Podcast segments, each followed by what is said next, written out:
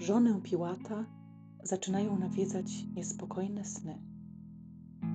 Jej łóżko stoi puste. Za oknem przesuwają się gwiazdy w wiosennych konstelacjach. Zwinięta pościel przypomina wysuszone słońcem wzgórza. Siedzi w rogu komnaty i wachluje się szerokim pawim piórem. Chce doczekać do świtu.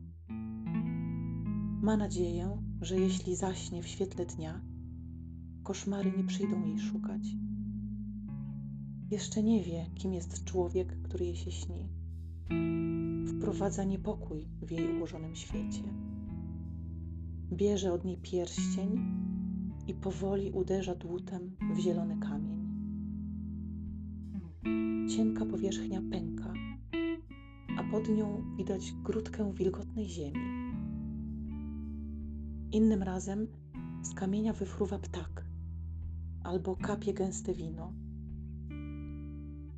Żona Piłata wie, że coś ją łączy z szorstką ziemią, z trzepotem skrzydeł, ze słodyczą winogron, ale nie może patrzeć, jak dłuto niszczy szmaragd, jedyną pamiątkę po krainie, z której przybyła w ten skwar.